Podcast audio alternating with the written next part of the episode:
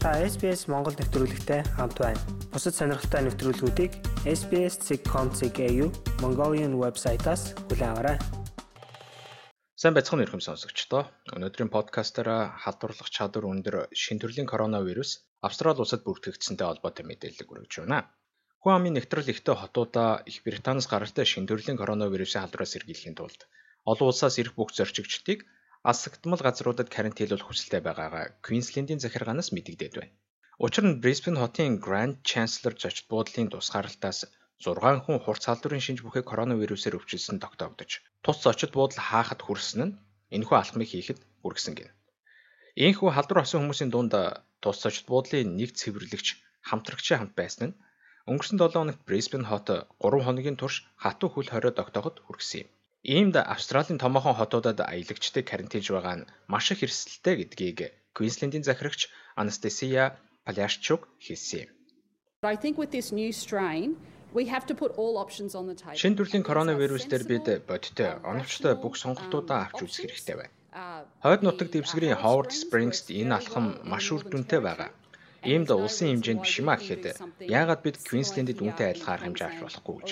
Хэрэг бид 70%-аар илүү халдварлах чадвартай хувилбартай нүүр тулсан юм бол маш хариуцлагатай байх хэрэгтэй гэж бодож байна.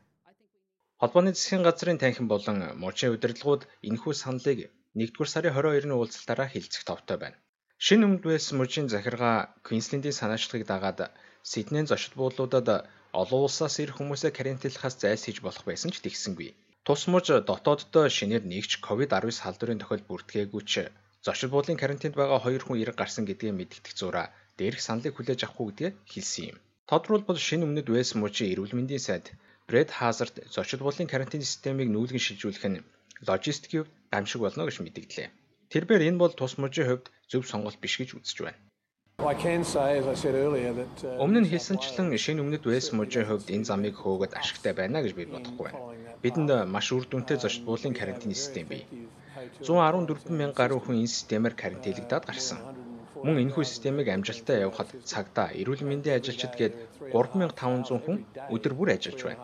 Тиймээс бидний хувьд иймэрхүү саналыг хүлээж авах ашигтай талыг харахгүй байна. Ерөнхий сайдын үр гүйцэтгэгч Майкл Маккормакийн зүгээс эх орондоо ирэх австралчуудын тог бууруулсан явдлаа улсын хэмжээнд ажиллаж байгаа карантины системд үзүүлжүү дарамтыг бууруулах зорилготой гэсэн тайлбараар хаасан юм.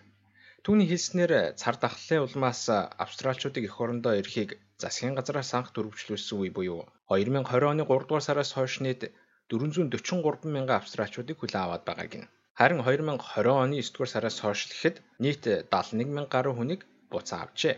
Үүнээс гадна хүлээн авах хүмүүсийн тоон хязгаарыг эрүүл мэндийн мэрэгчлэнүүдийн зөвлөмжтөр үндэслэн засгийн газраас тогтоож байгаа гэдгийг ноён Маккормак хэлсэн юм. Тиймээ бид эсвэл можууд өөрсдөө тоон хязгаарыг хоёр дахин бууруулад байгаа. Бид үндэсний кабинетийн үйл явцын хүрээнд тэдэнтэй хамтран ажиллаж тэдний шийдвэрийг дагаж байгаа.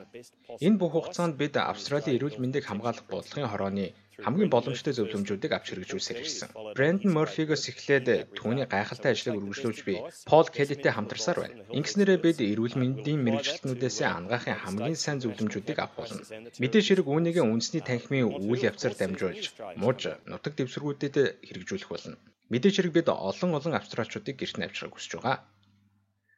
Викторийн мужийн хувьд үргэлжилсэн 8 хоногийн турш муж дамнасан эсвэл дотоодоос коронавирусын халдвар шинээр бүртгээгүү байна. Өнгөрсөн 24 цагийн хугацаанд л ихэд 16500 гаруй шинжилгээний ариу хүлээн авсан байна. Дотоодод дамжих халдварлын тохиолдлыг тэгсэнтэй холбоотойгоор эрэх таваа гаргаас эхлэн амны алт зүг чурмыг суллаж байгаагаа тус мужийн захирагч Даниэл Эндрюс уламжлаад байна. We will go back to Хэрэг би та бүхнийг хүсвэл бид урдын эрсдлийн үеийн хэлбэртэй шилжих болно. Ингэхдээ та бүхэн Chadstone, эсвэл Coles, Woodwards, Aldi орохдоо амны хаалтаа зүүх хэрэгтэй гэсэн үг. Амны хаалт маш чухал үр гүйцэтгэж байгаа. Энэ бол нэмэлт бүрхүүл, нэмэлт хамгаалт юм. Дасман мужийн хувьд Их Британаас гаралтай хурц халдварын шинж бүхий коронавирус бүртгэгдсэн Brisbane Grand Chancellor зочид буудалд байсан 14 хүнийг карантинд оруулаад байгаа. Олон улсын карантинад тус зочид буудалд хийж байгаад Тасманд ирсэн бүх хүмүүстэй холбоо тогтоосон гэдгээ мужийн эрүүл мэндийн яамнаас мэдээлээд байна. Одоогоор тус мужаас Брисбен хотыг бүхэлд нь өндөр эрсдэлтэй гэж тооцохоор болсон бөгөөд хэлтрүүлэх шалтгаангүй л бол хэнийг ч тус бүсээс нэвтрүүлэхэргүй болоод байна. Хэрв та COVID-19 сар дахлын эсрэг авч хэрэгжүүлж буй эрүүл мэндийн болон Тусламжийн арга хэмжээнүүдийн талаар илүү мэдээлэл монгол хэл дээр авахыг хүсвэл SBS.com.cg-ийн даршуу зураас коронавирус гэсэн хаягаар зочлоорой. Австрали улсад байгаа бусад монголчуудтайгаа холбогдоорой. SBS.com.cg-ийн урагшаа зураас Mongolian хуудасаар зочлоорой.